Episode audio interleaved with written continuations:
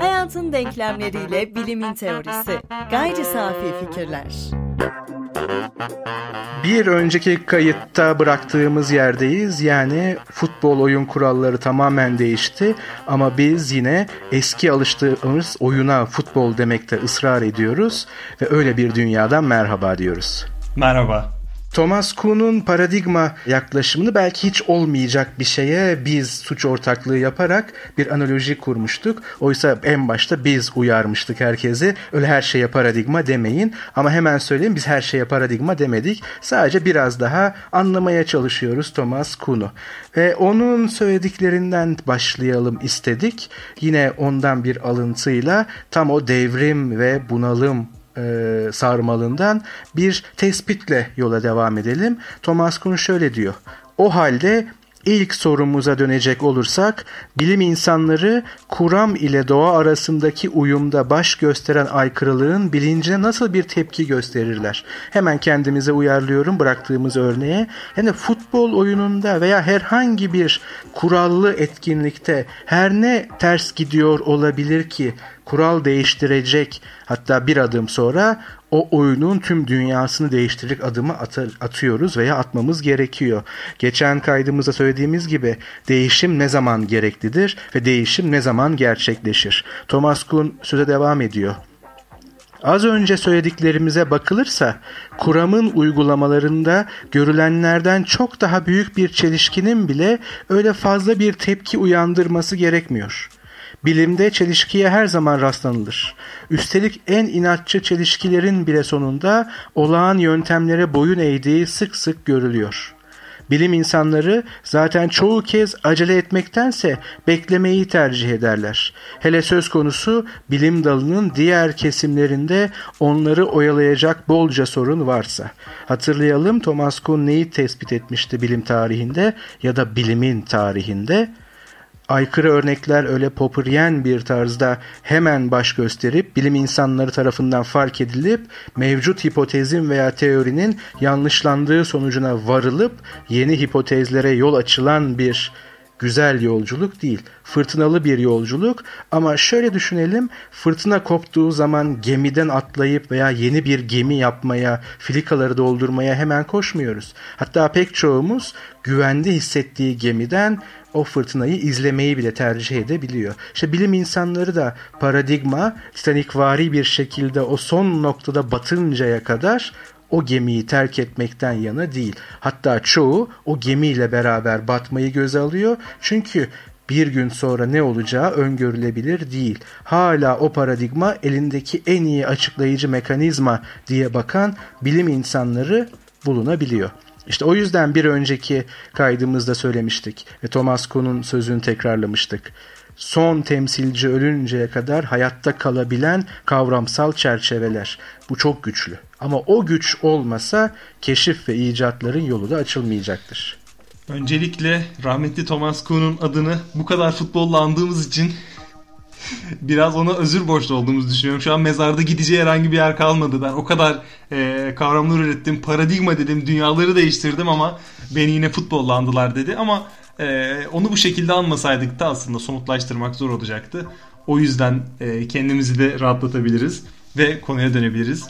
Thomas Kuhn'un e, açısından baktığımızda bu değişimin nasıl hayat bulduğu üzerine düşündüğümüz zaman değişime giden yoldaki bunalımın Karl Popper'ın söylediği gibi aslında psikolojik bir kavram olması bizim karşımıza çıkıyor. Çünkü psikolojik bir kavramı biz bilimsel bir sürecin e, adlandırılması üzerinde kullandığımız zaman yani olağan bilimi sonlandıran şey ve onu devrime yönelten şey bunalımdır dediğimizde bunalımın tanımı tam olarak yok. Yani bunalım şu zamanda başlayan ve şu zamanda sona eren bir süreçtir diyemiyoruz psikolojik bir süreç ne zaman başlayacağını ne zaman sona ereceğini kestirmek o kadar da kolay değil ki kestirilebiliyor olsaydı e, bunalım kavramı psikolojide şimdiye kadar bu kadar büyük yer kaplamazdı.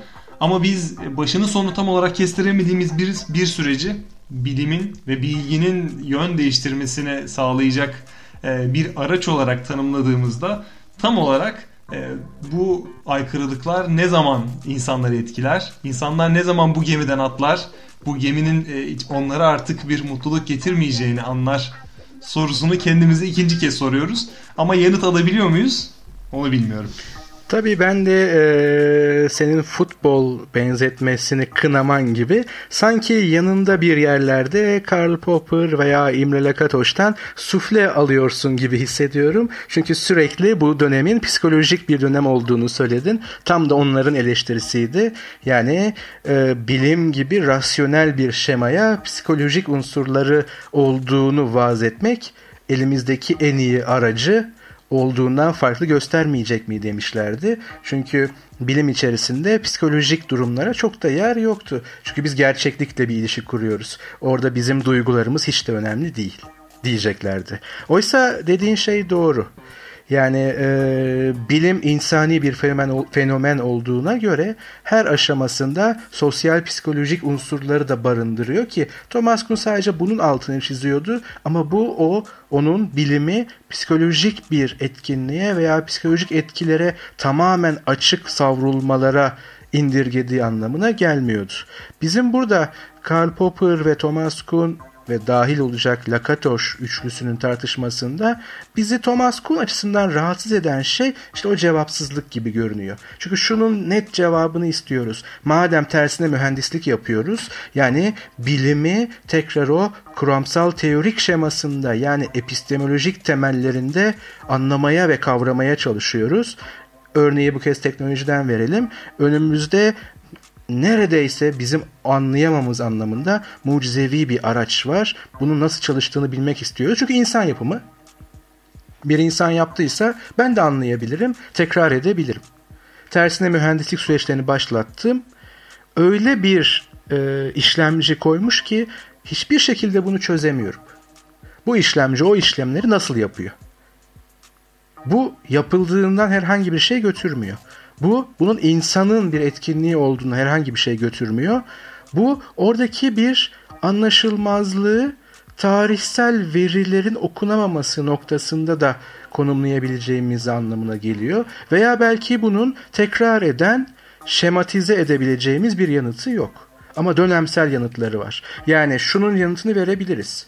Ne oldu da Aristoteles Batlamyus kuramından Kopernik, Newton paradigmasına geçtik. Bunun cevabını bugün verebiliriz. Mesele ve bizi rahatsız eden şey şu. Bugün içinde bulunduğumuz veya bulunma potansiyeli taşıdığımız devrimsel sürece girdiğimizde bilimde ne yapacağız sorusu. Ne yaptık sorusunun daima cevabı Thomas Kuhn'da dahi var. Ama onun ortaya çıkardığı şey şu. Devrim dönemlerinde daha sonra bunalım dönemlerinden çıkışta tekrar eden ve her seferinde aynı olan bir şablon yok. Daha sonra bu düşüncenin üzerine Feyerabend gidecektir ama başka bir konuşmanın konusu olarak. Yine sözü aramızdaki artık kaçıncı olduğunu senin takdirine ve dinleyicilere bırakıyorum. Thomas Kuhn'a bırakalım. Demek ki aykırılığın bunalıma yol açması için salt aykırılık olması yetmiyor. Paradigma ile doğa arasındaki uyumda belli zorluklar daima söz konusudur. Ve bunların çoğu genellikle önceden kestirilemeyen süreçler sayesinde zamanla düzeltilir. Farkına vardığı her aykırılığı incelemeye kalkan bilim insanı asıl önemli işlerini bitirmeye vakit bulamaz. Dolayısıyla bir aykırılığın ne zaman toplu dikkate değer hale geldiğini sormamız gerekir ve bu sorunun da her halde tam anlamıyla genel bir yanıtı yoktur. Thomas Kuhn'un söylediği şey ve onu psikolojizmle suçlamaya giden şey budur. Elimizde genel bir yanıt yok. Elbette ki bazı önerilerimiz olabilir. Belirli dönemleri yine yansıtabiliriz. Ama asla şunu söyleyemeyiz. O dönemlerle bu dönem içerisinde bulunduğumuz bunalım, olası bunalım arasında tam bir örtüşme olmayacaktır. Çünkü koşullar aynı değildir artık. Newton e, Newton'dan Einstein'a geçmekle Einstein'dan başka bir şu an öngöremediğimiz çünkü Einstein hala başarılı teoriye veya paradigmaya geçişin koşulları aynı olamayacaktır. Çünkü daha olmadı. Bunu öngöremeyiz. Bunu bilemiyor olmamız bilimi salt psikolojik veya bir kitle karar mekanizması haline getirmez. Yani bilim insanları topluluğu var. Onların bilim dediği bilim denir değil. Paradigma hala kendisi kural koyucudur ve bu kurallara uydukları için bilim insanları bilim insanıdır ve paradigma bu kuralları koyarken tabii ki böyle bir soyut sistemden kendinde bir iradeden bahsetmiyoruz ama doğayla insan arasındaki ilişkiden filizlenmektedir. Yani Karl Popper hala bu konuda haklıdır. Thomas Kuhn da bunu zaten teslim etmektedir. Yani paradigma gerçekliğe ilişkindir ve onda derinleşmemizi sağlar. Ama bu derinleşmenin neresinde ve nasıl tökezleyeceğimiz asla öngörülebilir değildir. Tökezlemeye vereceğimiz tepki ana hatlarıyla bunalımın ilk dönemlerinde öngörülebilir. O da paradigmaya sarılmaktır. Baştaki benzetmemizi hatırlayalım. Fırtına koptu, geminin içindeyiz. E, gemide hemen atlamıyoruz veya hemen bir panik halinde yeni bir gemi inşa etmeye çalışmıyoruz. Hatta devrim fikriyle çok uyuşmamakla beraber şu benzetmeyi de yapabiliriz. Bizler gemilerimizi denizdeyken revize etmek gerektiğinde yeni gemi yapmak zorunda olan denizcileriz, bilim insanları olarak. Bu zor bir iş. Devrim fikrine de aykırı çünkü o arada ayağımızı nereye basacağımız Thomas Kuhn'da cevabı yok. Yani yeni bir gemiyi mevcut malzemeden yapmıyoruz. Devrim budur zaten. Yani Newton, Kopernik veya Kopernik Newton daha doğru bir tanımlamayla veya adlandırmayla paradigması Aristoteles Batlamyus paradigmasının geliştirilmiş hali değil. Tamamen başka bir dünya. Thomas Kuhn'un bu anlatımında bu gemi e, metaforunda da görebileceğimiz üzere kendisi anlatmıyor fakat biz bunu gemi metaforunu görebiliyoruz.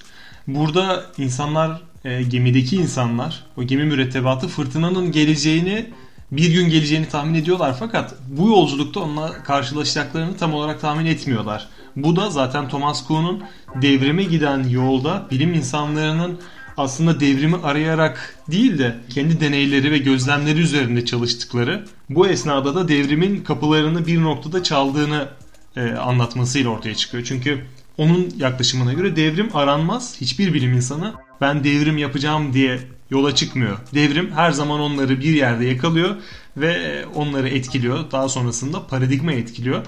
Ama ben burada şuna dikkat çekmek istiyorum. Şu an aklıma gelen, şu an e, zihnimde oluşan bir düşünce biraz ham olsa da Galileo Kopernik gibi kişilerden bahsettik. O dönemde aslında e, biz şu an FIFA'dan bahsediyoruz. Bir kurumdan bahsediyoruz. Yine yine futbol örneğine döndüm. Ama paradigmanın etkilediği o bilimsel cemaatten bahsediyoruz. Bilimsel cemaat bu kararı verir, epistemik cemaat bu karar verir.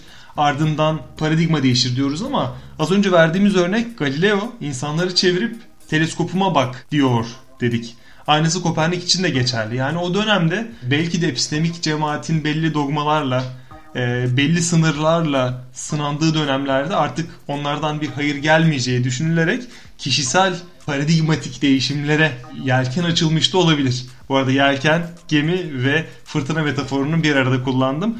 Ayrıca Thomas Kuhn aramızdaki beşinci oluyor. Ve onu yine üzecek bir şekilde bir kişi daha bulursak hep birlikte bir halı saha maçı yapabiliriz. Muhakkak ki çok keyifli olacaktır. Tabii Thomas Kuhn'u hangi mevkiye koyacağımız çok tartışmalı. Ama ben en çok Karl Popper'dan korkarım. Ee, ama tabii hemen şunu söyleyeyim. Tekrar bilim teorisine dönecek olursak. Thomas Kuhn'un söylediği veya tespit ettiği şey e, bu kadar büyük paradigmatik devrim belki de o büyüklükte bir kere yaşandı. Yani modern bilimsel devrim dediğimiz o dönemde. Yani Aristoteles Batlamyus'tan Kopernik Newton'a geçişle Newton'dan Einstein geçişi kıyaslarken, kıyaslarsak ilki daha büyük bir devrim. Değiştirdiği şey anlamında diyebiliriz elbette. Bildiğim kadarıyla Thomas Kuhn'da bu karşılaştırma bu şekilde olmasa bile. Ama e, bu kadar büyük bir değişimin içerdiği şeyleri bir düşünelim bir kere deney ve gözlem kavramları veya da çerçeveleri tamamen değişti. Teoriler değişti. Altını çiziyorum. Teoriler değişti. Tek bir teori değil. Paradigmada belki bunun da altını iyi doldurmak gerekiyor. Daha önce söylediğiniz gibi bu bir şemsiye. İçinde ve altında birden çok teori, deney gözlem yani araştırma metodolojisi fikrini de barındırıyor ve gerçek anlamıyla paradigmatik bir değişim bu anlamda belki de tarihte o büyüklükte bir kere oldu. Sonuçta Einstein yepyeni bir devr, e, yepyeni bir deney gözlem önermedi.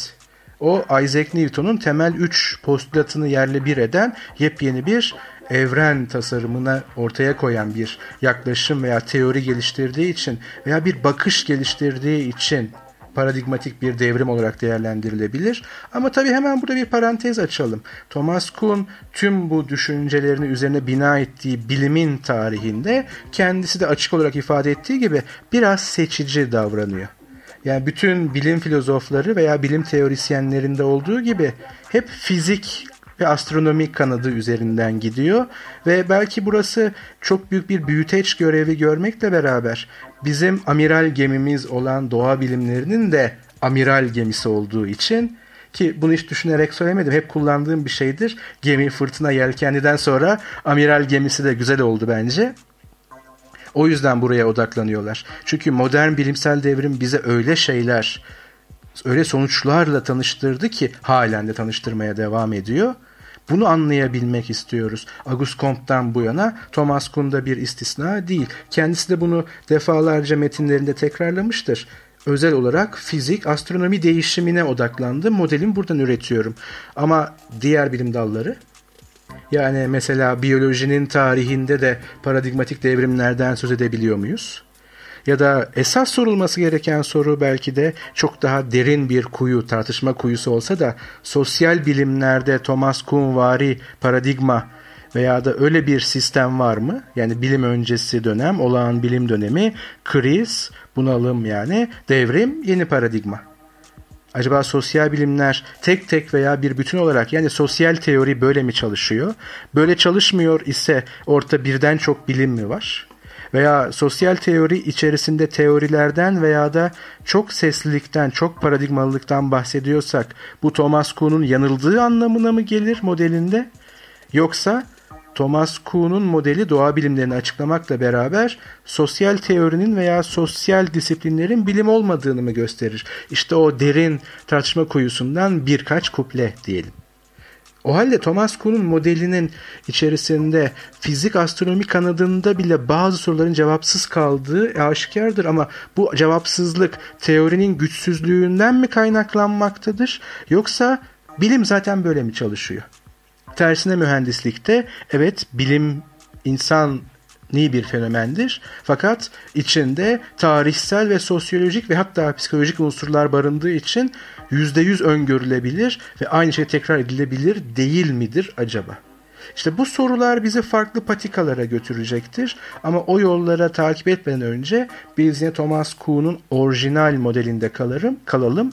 Neden hep orijinal model diyorum? Çünkü Thomas Kuhn'un kendi düşünce akışı içerisinde de birden çok yani iki dönemi olduğundan söz eden bazı yorumcuları var. Thomas Kuhn kendisi hayattayken bunu kabul etmedi ama artık arkasından çok rahat konuşabildiğimiz için bu her zaman yorumumuza açık olacaktır.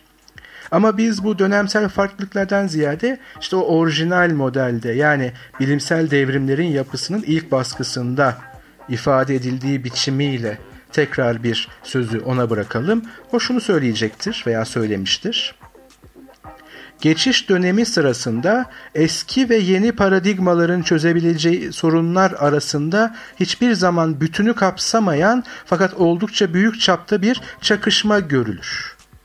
Ancak çözüm tarzlarında son derece belirleyici farklar vardır. Yani şunu söylemek istiyor.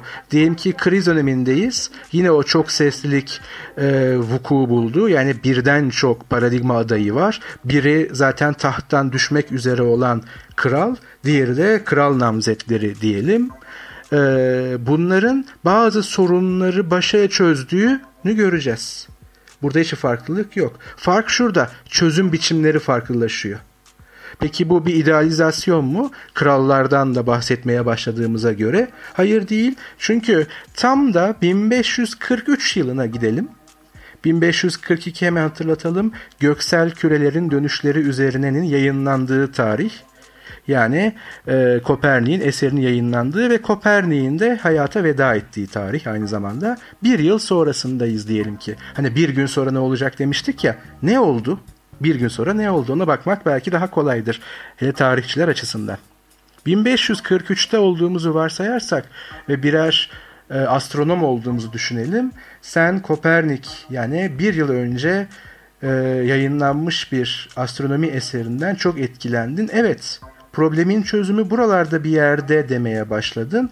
Ben ise sıkı meslekten ve okuldan bir Avustralyasçı ve Batlamyusçu olarak kesinlikle bunun böyle olmadığı kanaatindeyim. Hadi bir er meydanına çıkalım.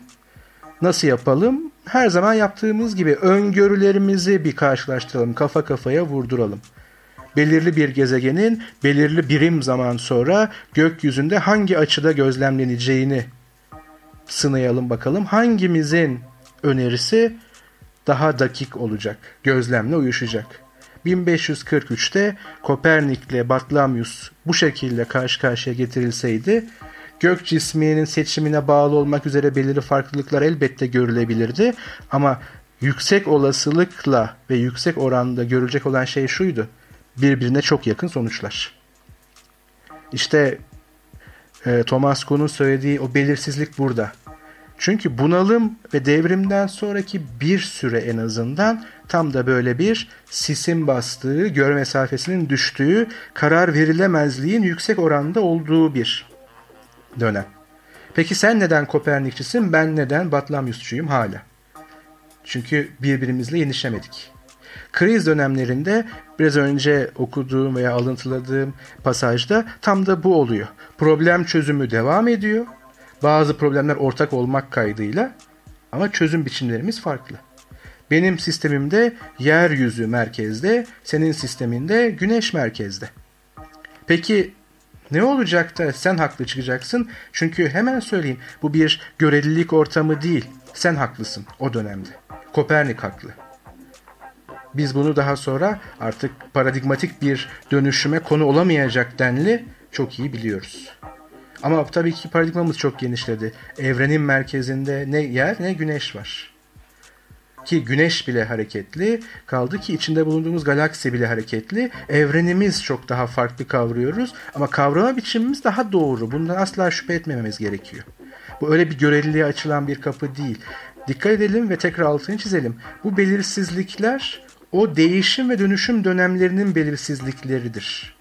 Eş ölçülemezlik problemi ayrı kalmak kaydıyla. O da esasen tabii ki somut karşılaş e, noktaları vardır, karşılaşma noktalarımız ve bununla yüzleşebiliriz bilime yakın ve içinde olan insanlar olarak ama genelde teorik problem olarak kalacaktır. Yani 1543'te ciddi somut bir problemdir. Kopernik mi, Batlamyus mu? Ama 1687'de Newton'un Principia'sının yayınlandığı tarih böyle bir problem elbette yoktur. Tabii ki Kopernik ama Newton fiziğiyle temellendirilmiş. Dikkat edecek olursak esasen bunu da bu kadar net bir biçimde ilk ortaya koyan e, George Sarton ve onun ilk e, öğrencisi dünya çapında da dünyada da ilk doktora, bilim tarihi doktorası sahibi Aydın Sayılı'nın çalışmalarıdır. Bu bir süreç, bilimsel devrim. Kopernik'le başlayıp Newton sona eren bir süreç. Bilimsel devrim dediğimiz şey ister o pozitivist kullanımıyla isterse ki bugünkü ve geçen haftaki konumuzda olduğu gibi Thomas Kuhn'un ona yüklediği anlamla olsun bir süreç. Ve burada bir süreç analizi yapmak zorundayız eğer Thomas Kuhn gibi bakıyorsak ve bu analiz de öyle her zaman daha fazla alt parçaya bölünemez somut tarihsel verilerle yüzleşmeyecektir. Çünkü bu verileri okuma biçimimiz de değişebilir. Yani geçmişi okurken bile belirsiz noktalara kalacaktır. Kaldı ki bunu geleceğe projekte ettiğimizde bazı öngörülemez noktalar var. İşte o belirsizlik sadece bu geçiş dönemlerine hastır. Bilimin geneline özellikle paradigmatik dönemlere değil Thomas Kuhn'da. Batlamyus ve Kopernik'in fikirlerini yan yana koyduğumuzda aslında çok büyük farklar göremiyoruz den diyoruz ama şöyle bir düşündüğümüzde onlar aralarında 50 yıl olan ya da 30 yıl olan iki bilim insanı değildi. Batlamyus'la Kopernik arasında neredeyse 1400 yıl var. Yani 1000 yıldan fazla zaman var. Fakat ölçüm teknikleri ve e, bilimin işlediği yolun o zaman aldığı hızla şu an aldığı hız çok farklı olduğu için şu an belki benim ortaya attığım bir teori bir gün sonra bile yeni bir ölçümle değişebilir. Yani 1400 yılda değişmeyenler bir yıl içerisinde kaç kez değişebiliyor? Bu son birkaç yüzyılda karşımıza çıkan deneyleri görebiliyoruz. CERN'de yapılan çalışmaların her gün bize bir sonuç getirmesini bekliyoruz. Yani her an bir sonuç değişikliği yaşanabilir.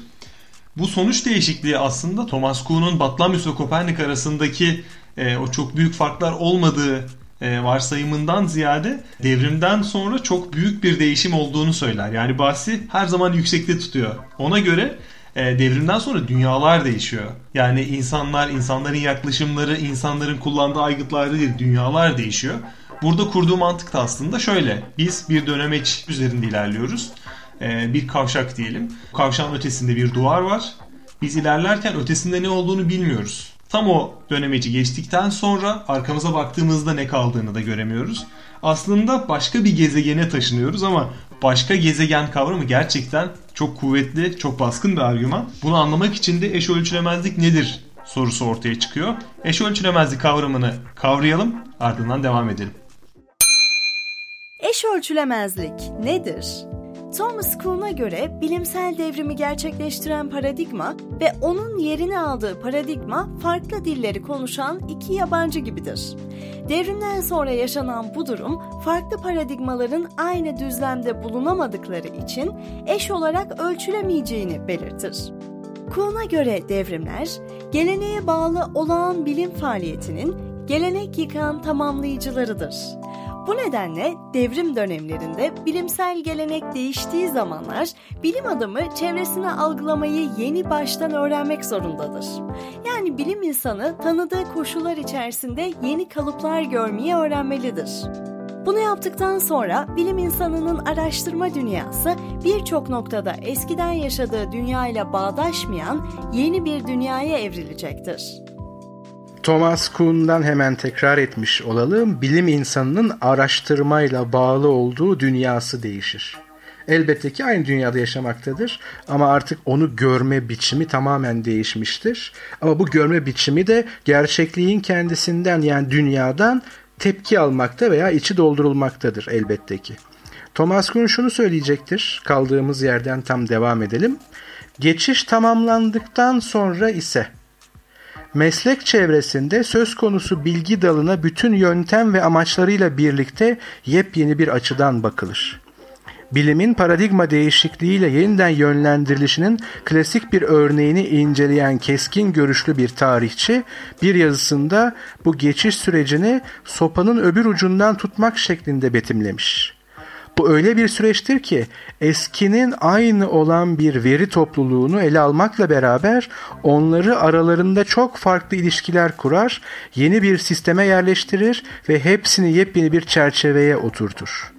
Bilimsel ilerlemenin bu yönüne dikkat etmiş olan başka yazarlar da görsel alandaki geçtalt değişimiyle benzerliğini vurgulamışlardır. Kağıt üzerinde ilk önce kuş olarak görülen mürekkep şekiller şimdi bir geyik olarak görülür ya da tam tersi. Ancak kurulan bu koşutluk yanıltıcı olabilir.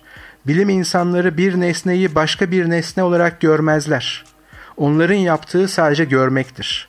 Buna ilaveten bilim insanı Gestalt görüşündeki öznenin sahip olduğu değişik görme tarzları arasında gidip gelme özgürlüğüne sahip değildir. Yani Gestalt görme biçimini bütün dinleyicilerimiz hemen Google'da araştırabilir. O bildiğimiz mürekkep e, lekelerini düşünelim. Onu bir şey olarak görürüz. Belli bir referans noktasından baktığımızda. Referans noktasını değiştirdiğimiz anda veri birebir aynı olmasına rağmen hiç orada bir değişiklik olmasına rağmen birden ördekler tavşan olur veya Thomas Kuhn'un dediği gibi geyikler birdenbire kuş olurlar. Oysa değişen dünya değildir. Değişen bakma biçimimizdir ama dünya buna tepki vermektedir. Bunu gerçek bir bilim tarihsel vaka üzerinden hatırlatalım. Aristotelesçi bir bilim insanı veya da araştırmacı bir nesneye baktığında kesin olarak engellenmiş düşme görmekteydi. Bu nasıl bir nesneydi? Diyelim ki belirli bir e, ip yardımıyla tavana asılmış bir ağırlık bu engellenmiş düşmedir. Çünkü o ağırlık toprak elementinden yapılmış katı bir nesne olarak doğal yerine gitme eğilimindedir. Yani merkeze doğru, yani yere doğru. Oysa o ip onu tutmaktadır. İşte engellenmiş düşme böyle bir şey kabaca.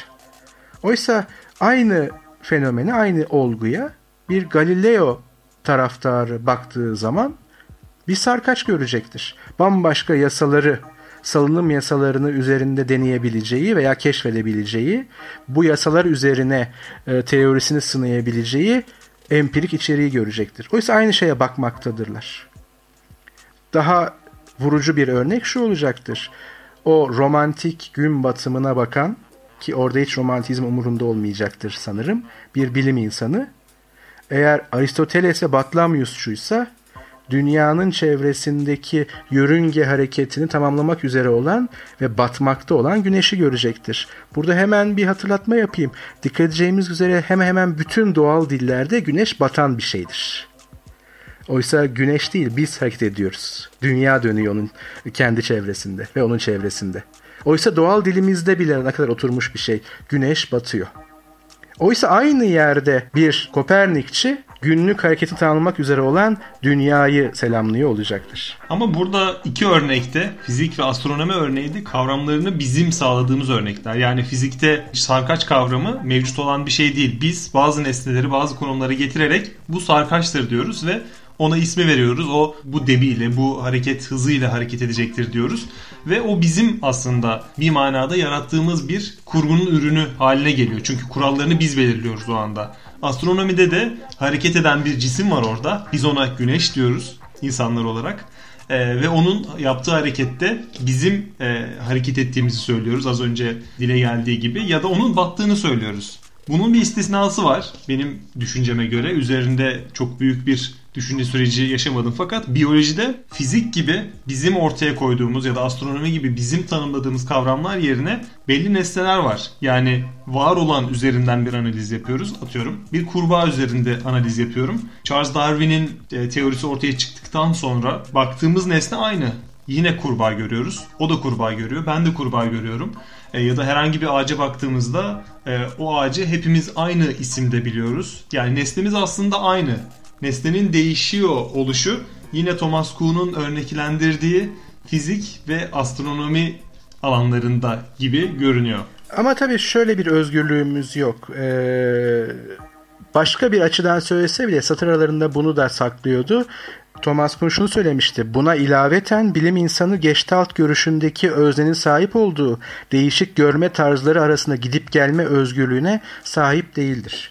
Burada paradigmanın belirleyicine vurgu yapıyor olsa bile şöyle bir yanlış örneğin de önünü kesmektedir. Diyelim ki Isaac Newton dönemindeyiz. Ee, o da bir mitolojidir elbette. Daha önce üzerinde durmuştuk. Öyle elma kafasına düştüğü için kütle çekimini bulmuş falan değil.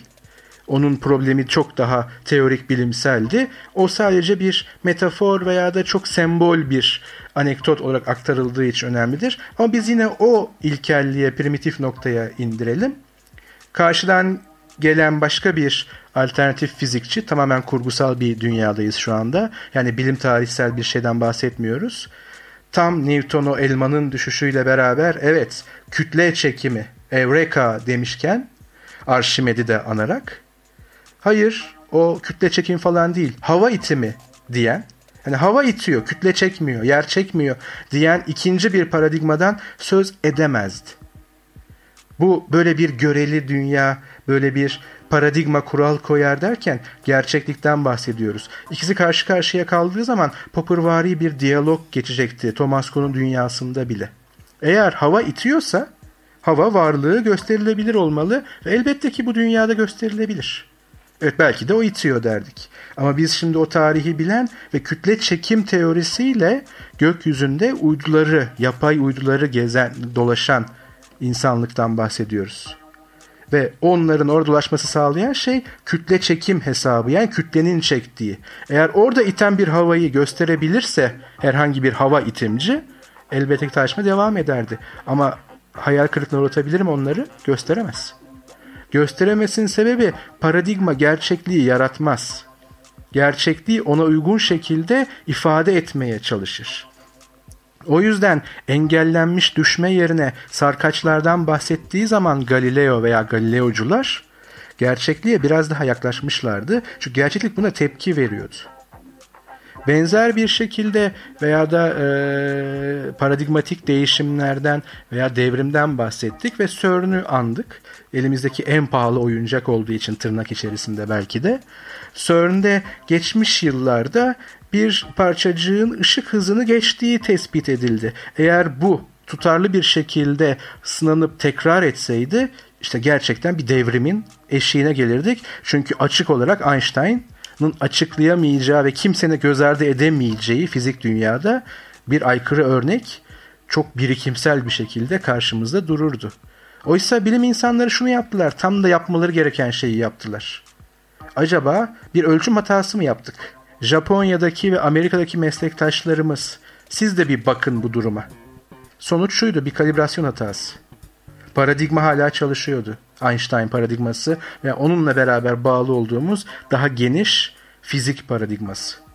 Dolayısıyla e, bir devrimden, aykırı örnekten bahsederken veya devrim veya bunalım dönemlerindeki, daha doğrusu bunalım dönemlerindeki çok paradigmalılıktan bahsederken bu keyfiyet anlamında değil. İster tavşan görür, ister ördek görür, bir öyle görür, bir böyle görür diye bir dünya yok. Araştırmayla bağlı olduğu dünya değişir. Araştırma hala asli bir oyuncudur bu teorinin içerisinde.